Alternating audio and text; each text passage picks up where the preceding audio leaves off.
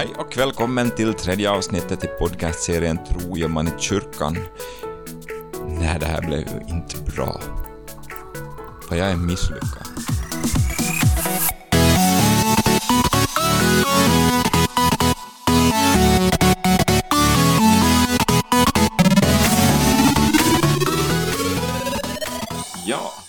Välkommen till tredje avsnittet i vår podcastserie Tro gör man i kyrkan. Som introt förhoppningsvis avslöjar så kommer dagens tema att vara jag och mina misslyckanden. Eh, Jan Gustav, jag är glad att du inte har misslyckats att ta dig hit idag. Välkommen. Mm, ja, jag misslyckades nästan att ta mig hit för jag hade svårt att få tag i vår mick som jag skulle söka reda på. Mm. Allt är gott med dig annars nu? Jo, jag får ju vara här med dig igen och jag ser mig fram emot att få höra liksom uh, dina misslyckanden och så har jag själv några på lager att leverera. ja, uh, nöjet är ömsesidigt också denna vecka. Uh, men jag tror att vi, vi jag tror att vi flyttar över till den absolut viktigaste frågan för dagen. Jan Gustav, präst. nu kommer här den stora frågan. Har du någon gång gjort bort dig Eh, som präst? Oh, jag har gjort bort mig otroligt massor av gånger och fått be om förlåtelse. Jag har glömt bort hur många gånger jag måste be om förlåtelse för saker jag har sagt eller gjort eller eh, uttryckt på ett felaktigt sätt eller missat att göra. Så jag kanske skulle liksom borde kallas för den misslyckade prästen. ja, sådär. Jag har använt ord fel, så jag har, när jag skulle, i ett manus så skulle jag berätta en berättelse om mm, den riktiga jultomten, alltså om Nikolaus, som är alltså ursprunget till tomtelegenden. Och där berättade jag då i manuset, så glömde jag bort att det stod bar och istället sa jag bordell. Så jag berättade för barnen att eh, pappan måste sälja liksom sin dotter till en bordell. Och äh, det här upptäckte jag inte alls på, att det var, tänkte jag inte på att det var skillnad på bar och bordell.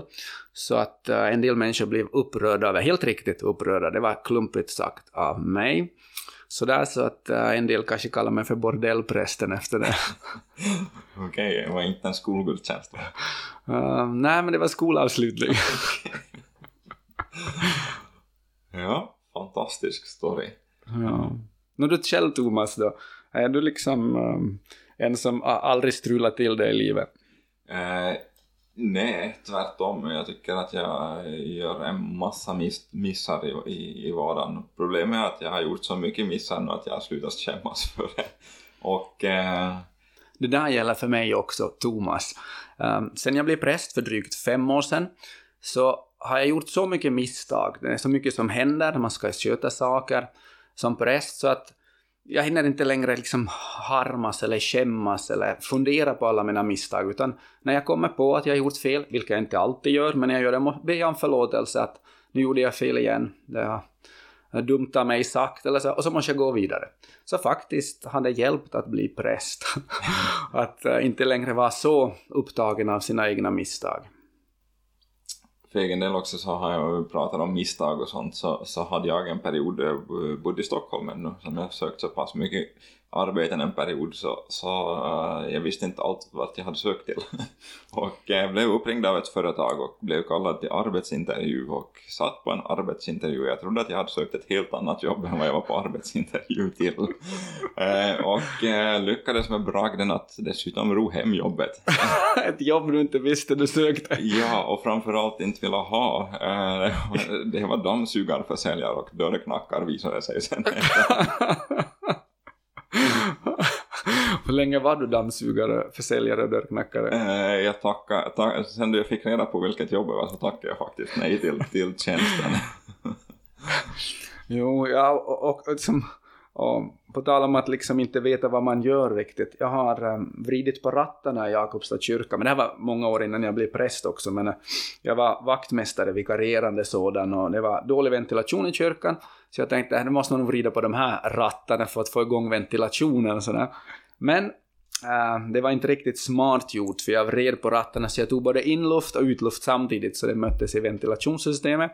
Och där fanns skräp som började glöda och spruta in i kyrkan så det kom rök i kyrkan, brandalarmet gick. Det var en vigsel som hade varit och nästa vigsel skulle vara på gång men brandmännen sprang in i kyrkan och det tog länge innan vi fick tag i liksom nyckeln för att komma upp till ventilationen och det var väldigt het ventilation och jag fick vädra länge ut kyrkan och sen var det Ja, fick jag vädra också sådär under själva vigseln. Som tur var var det brudpar efter var ganska coola. De stod framför brandbilen och blev fotograferade. Jag tyckte det här var lite häftigt. Men um, det förstörde nog schemat för den dagen plus att det, det, det blev lite strul med en del andra vigslar och, och, och sådär. Så det var, det var inte så roligt. Men um, det är ingenting jag grämer mig över nätterna igenom. Nej, du kan, du kan skratta åt det i efterhand. Ja, det kan jag. Hur är det med andra misslyckanden? Jag antar att du har upplevt sådana också. Ja, och jag har varit ganska fixerad vid misslyckanden. Jag vill framstå som, som en som kan, är duktig och, och, och som gör saker bra och sådär. Och jag märker det kom att för en del människor präglade hela livet. Så var det också mig när jag var yngre. Så redan när jag var i lågstadiet så ville jag liksom inte vara misslyckad. Kanske vi alla är sådana, men i varje fall jag är en sån. Och eh, jag var en flicka i klassen som jag var intresserad av, som jag spanade in där då. Och, och, och det här tänkte att wow vad hon var intressant. Och så hände det en dag att hon frågar då en fråga i biblioteket i skolan. Hon frågar har du läst den här boken Jan Gustav? Och jag min idiot så svarar jag på frågan och svarar nej det har jag inte. Och grejen var att hon frågade en flickkompis som stod bakom mig om den här boken. Och ja, men hon förstod ju och kompisen förstod ju att jag var ju intresserad av henne. Så de spred ut det i skolan och jag gjorde enda manliga rätta så jag sprang hem. och så, så tänkte jag att hoppas jag snart är 30 år gammal och alla har glömt den här liksom händelsen. Och nu är jag långt över 30 men folk har inte glömt den här händelsen för jag berättar om den både nu som då. ja, så ännu ett misstag. ja. Thomas, du sa att du har slutat att skämmas över att du misslyckas. Vad är det som gjorde att du kom över misslyckanden? Eh, jag skulle säga att insikten av att eh, det är ganska långt ett sätt att lära sig saker och utvecklas som människa också. Jag höll på en, stund med stand-up-komik och eh, jag skulle vilja säga också att, att de gånger som man misslyckades så lärde man sig allra mest av, av, av de tillfällena. Men eh, jag måste ha misslyckats väldigt lite eftersom jag aldrig blev bra heller. ja, men jag tycker om dina torra skämt, Thomas. Vad bra, vad bra. Du har fått sagt, Thomas, sådär någon gång till mig att du ser på att det finns två olika slag av misslyckanden. Uh, vad, vad, menar du då? Mm, jag skulle kanske vilja, vilja skilja på dem lite och uh, på det viset att, att jag tror att man kan se på misslyckanden i det kristna livet, men man kan också se på det som eh, misslyckanden i en kristens liv. Och, eh, Va? Där hänger jag inte med skillnaden. Försök förklara vad du menar. Med eh, misslyckanden i det kristna livet så kanske jag tänker mer på, på sånt som vi brukar kalla för synd, saker som, som gör att vi, som påverkar vår gudsrelation eller vår relation till andra människor eller relation till oss själva för den delen. Medan eh, jag tänker på det handlar mer som misslyckanden i livet, sånt som drabbar oss oberoende om vi är kristna eller inte. Om vi pratar om olyckor eller vi pratar om eh, sjukdom eller, eller, eller sådana saker. Eh, och eh, ja, så att jag tror att man kan, kan kanske göra lite den här, den här uppdelningen. Mm, just det. Eh, men vad tänker du där Jan Gustav, att eh, om vi pratar om eh, misslyckanden i livet eller misslyckanden i en kristens liv. Eh, Gud har ju lovat att vara med oss och hur ska man se på ett sånt påstående, ett sånt löfte och samtidigt kunna fundera över misslyckanden? Mm. Ja, jag tror att det är en väldigt uh, modern fråga och en västerländsk fråga, den här frågan. Jag tycker inte att jag har upplevt den här frågan på samma sätt från afrikanska vänner som jag har Eh, perioder tidigare umgåtts en, en, en del med. Och inte heller tycker jag att de som jobbar i, på andra kontinenter berättar att när människorna lider och det är väldigt mycket svårigheter så verkar inte ställa den här frågan på samma sätt som vi i västvärlden gör det. Så jag tänker så här att kanske det är så att vi i västvärlden helt enkelt har börjat föreställa oss ett liv utan lidande och tänker att det är det som, att det är möjligt ett sånt liv. Så då blir ju frågan så mycket starkare då när jag lider och misslyckats och det blir problem att men var är Gud nu då när det strular till sig? Jag tänker bara på någon berättade för mig om det var Gambia eller Senegal att där dör två av tre barn före de är, var det tre år? Kommer inte ihåg exakt uppgiften, men i varje fall de dog väldigt tidigt, två av tre barn. Mm. Så jag tänker liksom, vilket lidande. Mm.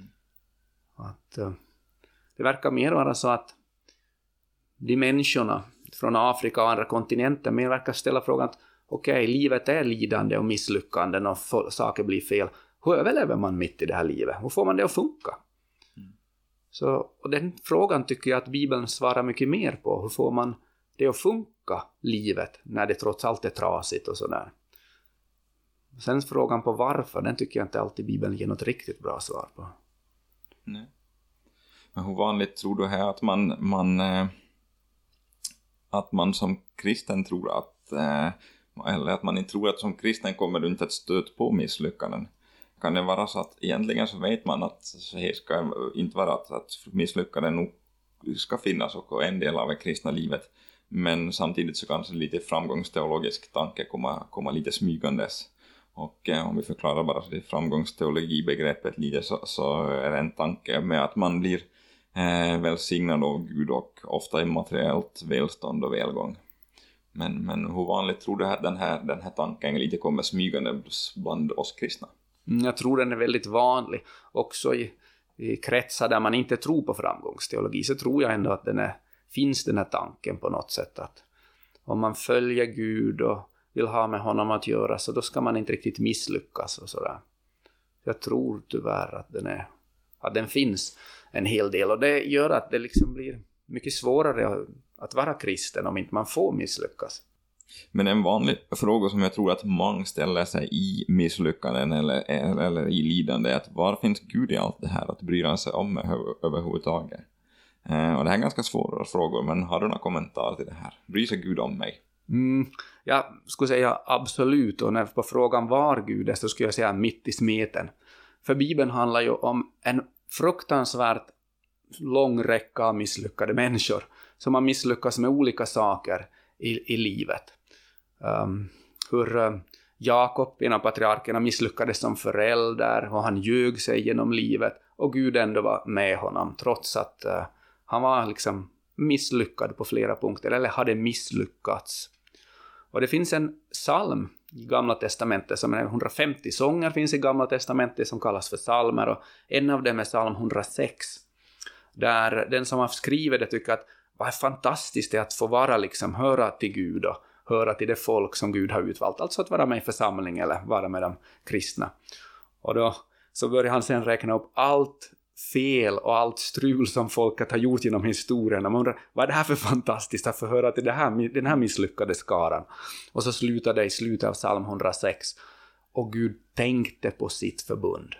Mm. Alltså att um, var Gud är så att han har lovat att vara lojala mot oss även när vi, vi sviker. Så man kan säga att Gud får dåligt rykte och blir smutskastad på grund av dina och mina misslyckanden. Och Gud verkar ta det, han verkar tåla det. Och liksom ändå säga att okej, okay, jag är med i det här. Hela racet, fullt ut. Och det tycker jag är en fantastisk tanke, men inte bara en tanke, det tycker jag att också är min erfarenhet. Uh, tänker du, Thomas, att uh, allt har en, en plan och allt har en, en mening på något sätt? Så att alla misslyckanden också är Guds plan och sådär. Som en del säger att allt har ju en mening. Nej, absolut inte. Jag skulle nästan vilja vara, vara gå lite mot strömmen. Jag, jag tror inte att det är så. Jag tror att, att det finns saker som kan kanske hända av en mening. Eh, men jag tror att jättemycket gör inte. Jag tror att mycket saker händer utan, utan en orsak. Och jag tror att, eller kanske orsaken kan vara då jag. Att det är vi som ställer till det antingen för oss själva eller för, för varandra. Ja. Eh, och jag tror att, att det finns jättemycket sånt.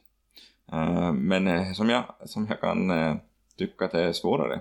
Eh, att hur ska man kunna skilja, på sånt som händer av en orsak och eh, sånt som inte gör det? Mm. Har du några tankar kring, kring Gustav? Ja, det var en väldigt svår fråga, hur man skiljer på dem. Mm. Och jag brukar märka jag ofta inte försöka skilja på dem. Utan ibland är det ganska svårt att klura ut det som nu händer. Finns det att Gud har en plan med det, någon tanke? Eller är det bara vi människor som strular till det och sådär? Och ibland är det svårt att veta riktigt vad det är. Så min attityd till den där frågan brukar vara mer att vad ska jag göra av det som händer med mig i livet? Mm. Och det tycker jag att det är mycket mer konstruktiv eh, fråga när man drabbas av olika saker. Vad gör jag av det? Mm. Att hur förhåller jag mig till det? Mm. Men eh, att Gud har en plan för varje liv så kanske vi kan vara överens om. Mm, Men- Det tror jag. Ja. Utifrån Bibeln också, Ja. tycker jag får medhåll. ja. Kan eh, misslyckande vara en del av den planen, tror du? Mm, det, så är, är det absolut. Petrus till exempel, han lovar ju att vara alltid Jesus trogen och att följa honom vad som än händer, och ändå så svek han ju när eh, en liten flicka frågade honom om han hade någonting med Jesus att göra. Han till och med svor om jag, och tre gånger förnekade Jesus att nej, jag känner inte den mannen. Och jag tror att Petrus behövde den erfarenheten för att hans egen på något sätt tillit till sin egen förmåga skulle få sig en törn. Och sen blev det faktiskt Petrus som blev eh, församlingens ledare. Mm. Så man kan säga att församlingens första ledare, ja, klippa betyder ju Petrus. Ja. Petrus betyder klippa. Så är en ganska misslyckad person som har en hel räcka med misslyckanden bakom sig. Det här var ju bara ett av de misslyckanden Mm. han erfor. Jag tänker mig att han var mera som medkännande med andras misslyckanden eftersom han själv hade strulat till det. Mm. Det är en ganska uppmuntrande tanke för oss också. Jo, Att komma ihåg den, den biten. då. jo, Eh, absolut. Vad tror du, vad tror du då att äh, finns det, man kan ju både prata om prövningar och misslyckanden, eh, finns det en skillnad mellan de här två? Mm. Jag tänker att prövning, så då handlar det mer om att Gud låter någonting, uh, gå, mig gå igenom någonting som ska fostra mig. Uh, misslyckanden låter lite mer som att då är det jag som har kämpat med ett mål och försökt nå ett mål och misslyckats. Jag tänker att ordet prövning är kanske ett bättre ord egentligen. Och det för oss inne på att det är okej att träna som kristen, man behöver inte kunna allt. Det är okej att öva. Det är som när vi spelar fotboll så eh, jag är förstås mycket bä- bättre än dig Thomas, men det beror ju på att Ja, jag har nog sett ett och annat misslyckande från din sida, Augusta. ja, man har bara tittat dåligt. Eh, från mitt djupare perspektiv så var det inget misslyckande. Nej, uh, jo, uh, skämt åsido. Uh, men visst, det, alla som tränar en sport så man utvecklas desto mer man tränas och övar. Och som kristen också så, så övar vi och, och tränar oss. Och då är på något sätt prövningen, det är liksom en, när Gud testar oss helt enkelt att, eh, och prövar oss för att vi ska växa och, och mogna på något sätt. Det gäller så det är misslyckanden så är det ju väldigt lätt att känna sig misslyckad av att misslyckas. Men jag tycker det här blir jättefel och eh, helt fel slutsats. slutsats. Jag menar, vi kan misslyckas, men vi är inte ett misslyckande. Vi kan göra fel, men vi är inte ett fel. Och jag tror att vi, vi glömmer lätt bort det här också. Eh, och jag tror också att, att hur vi tacklar misslyckanden kanske kan bero på det som vi var in på i, i senaste avsnittet, där vi funderade lite på prioriteringar. Om det som egentligen så borde betyda någonting, eh, och det som är, viktigt, det som är absolut viktigast är Gud och familj och närmast vänner och så vidare. Hur farligt är det egentligen att misslyckas med prestationer som till exempel idrottsprestationer eller eh, presentationer som går åt skogen eller att man får en fyra i ett prov? Hur, hur, om man, om man eh, jag menar om, om man söker sin bekräftelse från de här sakerna eh, så tror jag ju att, att så vi misslyckas med, med saker så kommer misslyckanden att kännas värre än vad det egentligen är. Men vad tänker du om det här?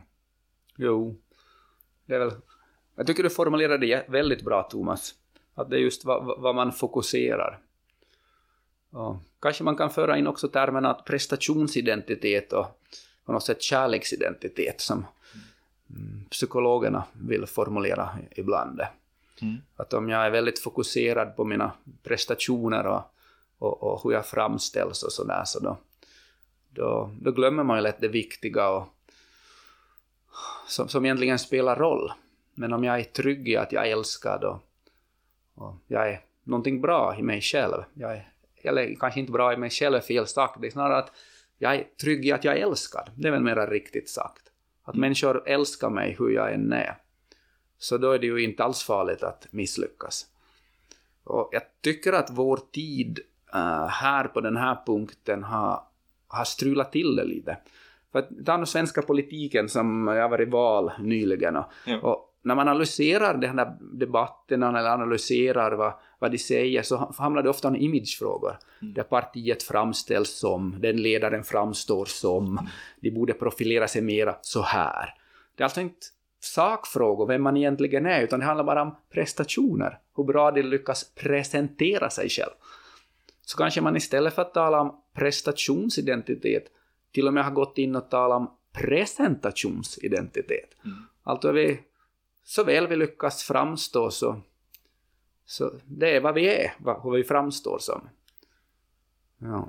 Nej, det blev en lång tanke av mig nu. Sådär. Ja, men det var en intressant tanke. Och det är ju hemskt att det har blivit så, att jag Absolut. är hur jag framställer mig själv. Um, det är frågan om vem jag är på riktigt eller om det är sant eller inte sant, det är ju oväsentligt. Mm. Hemskt. Ja. Nu har vi varit inne ganska mycket på, på misslyckanden i, i, i livet och eh, vi var inne på, på framgångsteologi också. Eh, och eh, en tanke inom här också att, att, att sjukdom, både för det fysiska och psykiska, och handikapp och, och olyckor, så är Guds straff för min otro eller min synd. Eh, och det här tycker jag, för mig i alla fall, känns som en lite farlig tanke. Eh, inte är det väl så att Gud straffar mig för mina misslyckanden i det kristna livet? Jag har svårt att få det ihop med den bild av Gud som Jesus visar med sitt sätt att vara och handla med oss. Snarare verkar ju eh, olika saker som drabbar en i livet den ett resultat av att andra människor har strulat till det, eller jag själv strulat till det. Men jag har svårt att se att det är Guds straff direkt så. Lite finns ju tanken i Bibeln att som det jag sår så får jag skörda. Så det är som mina och andras felsatsningar som leder till problem för mig i livet eller för andra. Men jag har svårt att tänka att det är Guds straff. Att han, utan det är snarare att jag får lära mig av mina egna misslyckanden, konsekvenser av att jag har strulat till det, eller andra har strulat till det för mig, eller jag har strulat till det för andra. Vi har ju de här senaste två gångerna varit in på saker som rör egen rutin och egen, eget andaktsliv. Och eh, jag tror att det är en ganska vanligt känsla att det gäller bibelläsning att man känner att man måste läsa bibeln. Och ofta kanske man gör ett försök att, att läsa bibeln eh, för att man känner att man måste. Och man missar ett par dagar och börjar känna en skam och en skuld för det. Eh, och tycker att man är, kan känna sig värdelös för att man inte lyckas, lyckas med det. Eh, vilket gör att det blir ett uppehåll. Man håller sig helt bort från, från eh, bibelläsningen och kanske går en lång period utan att man rör bibeln överhuvudtaget. Eh, har du några tankar kring det här? Tror du att, att det är någonting som man kämpar med? Att man läser, läser bibeln för att man måste? Jo, jag tror att det här är, en, en, vanligt. Och då på något sätt bibelläsning hör till prestationens område. Nu ska jag vara en duktig kristen eller jag ska fullgöra en plikt eller någonting liknande. Men det kan ju vara så att bibelläsningen drar en längre bort från Gud just genom att det blir en prestation och inte uttrycker vänskap och fascination över livet och öppnar en för Gud och livet, utan tvärtom stänger den. Så jag tänker att det kan vara det här rådet som jag själv har fått, det att börja med något så litet så att du nästan föraktar det. Mm. Så det är ett väldigt litet, man gör en väldigt lite, alltså man enkla saker. En mm, man som jag känner, så han hade som, det lilla var att när han lag på kaffe på morgonen och han hörde kaffeputtrande, så det hade han vid varje putt, när det började puttra så tänkte han att, att, att okej, okay, nu, nu vänder jag mig till dig Gud, jag lämnar den här dagen till dig. Så den hade den här lilla rutinen av att när kaffe puttrar, då vände han sig till Gud. Och när det var varje gång som kaffe, han hade på kaffe då på morgonen så då blev det automatiskt att han vände sig till, till Gud. Och det är liksom en löjlig liten grej. Men den lilla grejen så gjorde en stor skillnad och var inte en stor prestation. Och samma med bibelläsning, att börja med, med in, inte tänka att du ska ta så ambitiösa stora bitar, utan börja med något litet. Mm. Så ja, men det är för alldeles liksom, för enkelt. Att jag vill förändra allt på en gång. Mitt liv är dåligt eller jag ska bli en bra människa eller en bra kristen. Men det fungerar sällan. För man har liksom så aggressiv hållning. Utan det handlar om att ta emot det man får. Att okej, okay, ha den lilla enkla rutinen av att dagens lösen, som mm. människor har mycket tidigare har använt, eller ha den här bibelappen. På telefonen, ja. yes dagens reklam här. Ja. Ladd ner bibelappen mm. på telefon. Brukar du läsa sån där bibelappen på telefon? Eh, faktiskt så är telefon, eh, bibelläsning på telefon kanske det som jag använder mig mest av. Mm. Eh, då har jag en alltjämt med det behöver. Eh, också tacksamt för du kan ju sträcka under där också. Ja. Och det, skulle du säga Thomas att det här är något så litet som, som du nästan föraktar det, men att det funkar, alltså en liten grej som återkommer i ditt liv? Uh, ja, och uh, jag har ju försökt ha en sån rutin i alla fall för egen del att, att uh, i och med att jag har 20 minuter så det är jobbpendling så finns också reklam att man kan ha Bibeln som ljudbok i bilen. Mm, och jag har också en rutin som jag försöker, försöker med, misslyckas ibland, mm. ofta. men en rutin som jag försöker med också. Mm. Men det vi börjar tala om nu, Thomas, egentligen sådana små vardagliga saker som inte ska vara en stor prestation, utan enkelt vända oss mot Gud. Alltså lyssna mm. på Bibeln i bilen, låta en liksom dagens bibelvers poppa upp på telefonen, mm. mm, kaffe börjar puttra, då vänder man sig till bön. Sådana små saker som inte uh, kan få bli liksom en prestation, utan kan få bli sånt som öppnar mm. en för Gud. Sådana här rutiner som är, återkommer. För det är ju så att även fast vi har god vilja och god, vi ska läsa Bibeln så har vi inga rutiner för det så funkar det ju aldrig. Nej. Så det är bättre att ha en liten rutin. Som, rutin ja, ha någon rutin alls för att den goda viljan så verkar vara för nästan 99,9 procent ska jag gissa att det är, av oss människor är, är, är svagare, viljan är svagare för de flesta av oss än rutinen. Mm. Så det är bättre att ha en liten rutin som vänder oss, mm. istället för att ha en stor ambition att här ska jag förändra allt på en gång. Eh, vi har ju en tendens, så det som vi till exempel hörde i introt också, att, att eh, så vi misslyckas med någonting, att börja tracka ner på, på oss själva lite. Och eh, samma sak kanske gäller, gäller med synd. Eh, och då vi syndar. Men eh, jag funderar också att det kan vi se på som en viss, med en viss tacksamhet också. Eh, och ett sätt där man tänker att okej, okay, här jag kan jag lära mig no någonting. Jag menar att, att man märker eller blir uppenbarad om att man håller på med någonting som inte är bra för sig själv eller för andra eller framförallt för gudsrelationen. Jag menar, här kommer man ju kunna vara jublande glad över att man, man inser en sån sak. Att man får en chans att, att arbeta på det som, det som är fel. Uh, och så det för att förtydliga så menar jag ju inte att, att synden i sig är någonting, så, någonting bra, men att Gud uppenbarar det här i mitt liv. Det är ju bra, är det inte mm. här? För jag menar, vi har ju en chans att arbeta med och framförallt så har vi väl kanske nåden också som vi får lite på, på där också, få sen, ja, lite på helt enkelt att, att då vi bekänner vår, vår synder och vi vänder om från det så får vi väl lite på att vi blir förlåtna. Eller får vi? Ab absolut. Och den här attityden som du har till misslyckanden så låter ju så befriande när du berättar det. Så det känns ju bara hela min kropp att åh vad skönt, vilken skön attityd du har. Och jag undrar om inte det är så Thomas att man måste äh, betrakta sig själv som att man inte är sin egen utan att man, man, är, man är Jesus, alltså man tillhör Herren. För då kan man ju ha den sköna inställningen att det här är ju ditt problem Jesus, när någonting dyker upp i ens liv. Att det ska bli intressant att se hur du tar itu med det här i mitt liv. För då möter man ju inte ensam så att man måste kämpa och förbättra sig själv, utan man tar emot det som att Gud vill träna mig genom det här och, och, och han vill ta itu med det. Det ska bli spännande att se hur han gör det. Den där attityden tror jag man måste nästan ha för att man ska kunna betrakta det som du gör. Mm. Alltså det, du måste, för du antar att du betraktar det som att du tillhör Jesus och det är det som gör att du kan tänka sådär överhuvudtaget. Ja. Vill jag tro i alla fall. Ja. Mm. Jag har en jättebra story som du sa om förlåtelse där, att hur kan man lita på att Gud förlåter en då? Eh, Adrian Plass är en engelsk författare, han är stand-up-komiker och har skrivit flera böcker och eh, bland annat liksom Adrian Plass hemliga dagbok och ännu hemligare dagbok där han berättar om alla sina misslyckanden. Okay. Van, vansinnigt rolig läsning, han skrattar så man nästan vrider sig av skratten. Och en av sina böcker så skriver han om sin vän Mr Flynn som har problem med alkohol nu som då. Mm. Och så har han då jobbkompisar som inte är så positiva till kristen tro. Så kommer någon av dem till Adrian och säger till honom att Hör du Adrian, tror jag såg din vän Mr Flynn i parken igår och han pratade med statyerna. Jag tror han var lite väl förfriskad. Och eh, Adrians första tanke var att nej, du måste ha tagit fel, det kan omöjligt vara min vän Mr Flynn från kyrkan, att han skulle aldrig göra något sånt.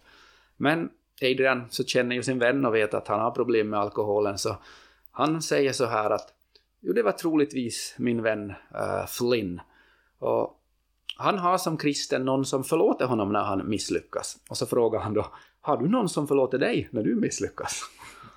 Jag tycker det var en ganska bra vändning på det hela. Absolut. Ja. Mm. Eh, med det här sagt så kanske vi också kan konstatera att vi behöver inte ha det här som, jag tror det var Steve Jobs som, som hade en sån här inställning att han eh, steg upp eh, varje morgon och siktade på att göra fem misstag varenda dag. Och vi kanske inte behöver som ha den här, den här inställningen med att nu ska vi stiga upp och göra fem synder varje morgon. Jag tycker att det går bra att, liksom, att misslyckas utan att ha ambitionen att misslyckas. ja, men kanske vi kan ha vetskapen om att äh, de fem synderna kommer de komma oberoende vad vi försöker. Ja, men ja, det, det, vi måste vara beredda på det att det, det, kommer. Men det är ju ändå en kamp. Jag vill ju betrakta mm. livet som en kamp, att Gud kämpar ju för det goda. Mm. Allt det här som, är, som förstör livet är ju något som han vill hjälpa mig att rädda mig från. Mm.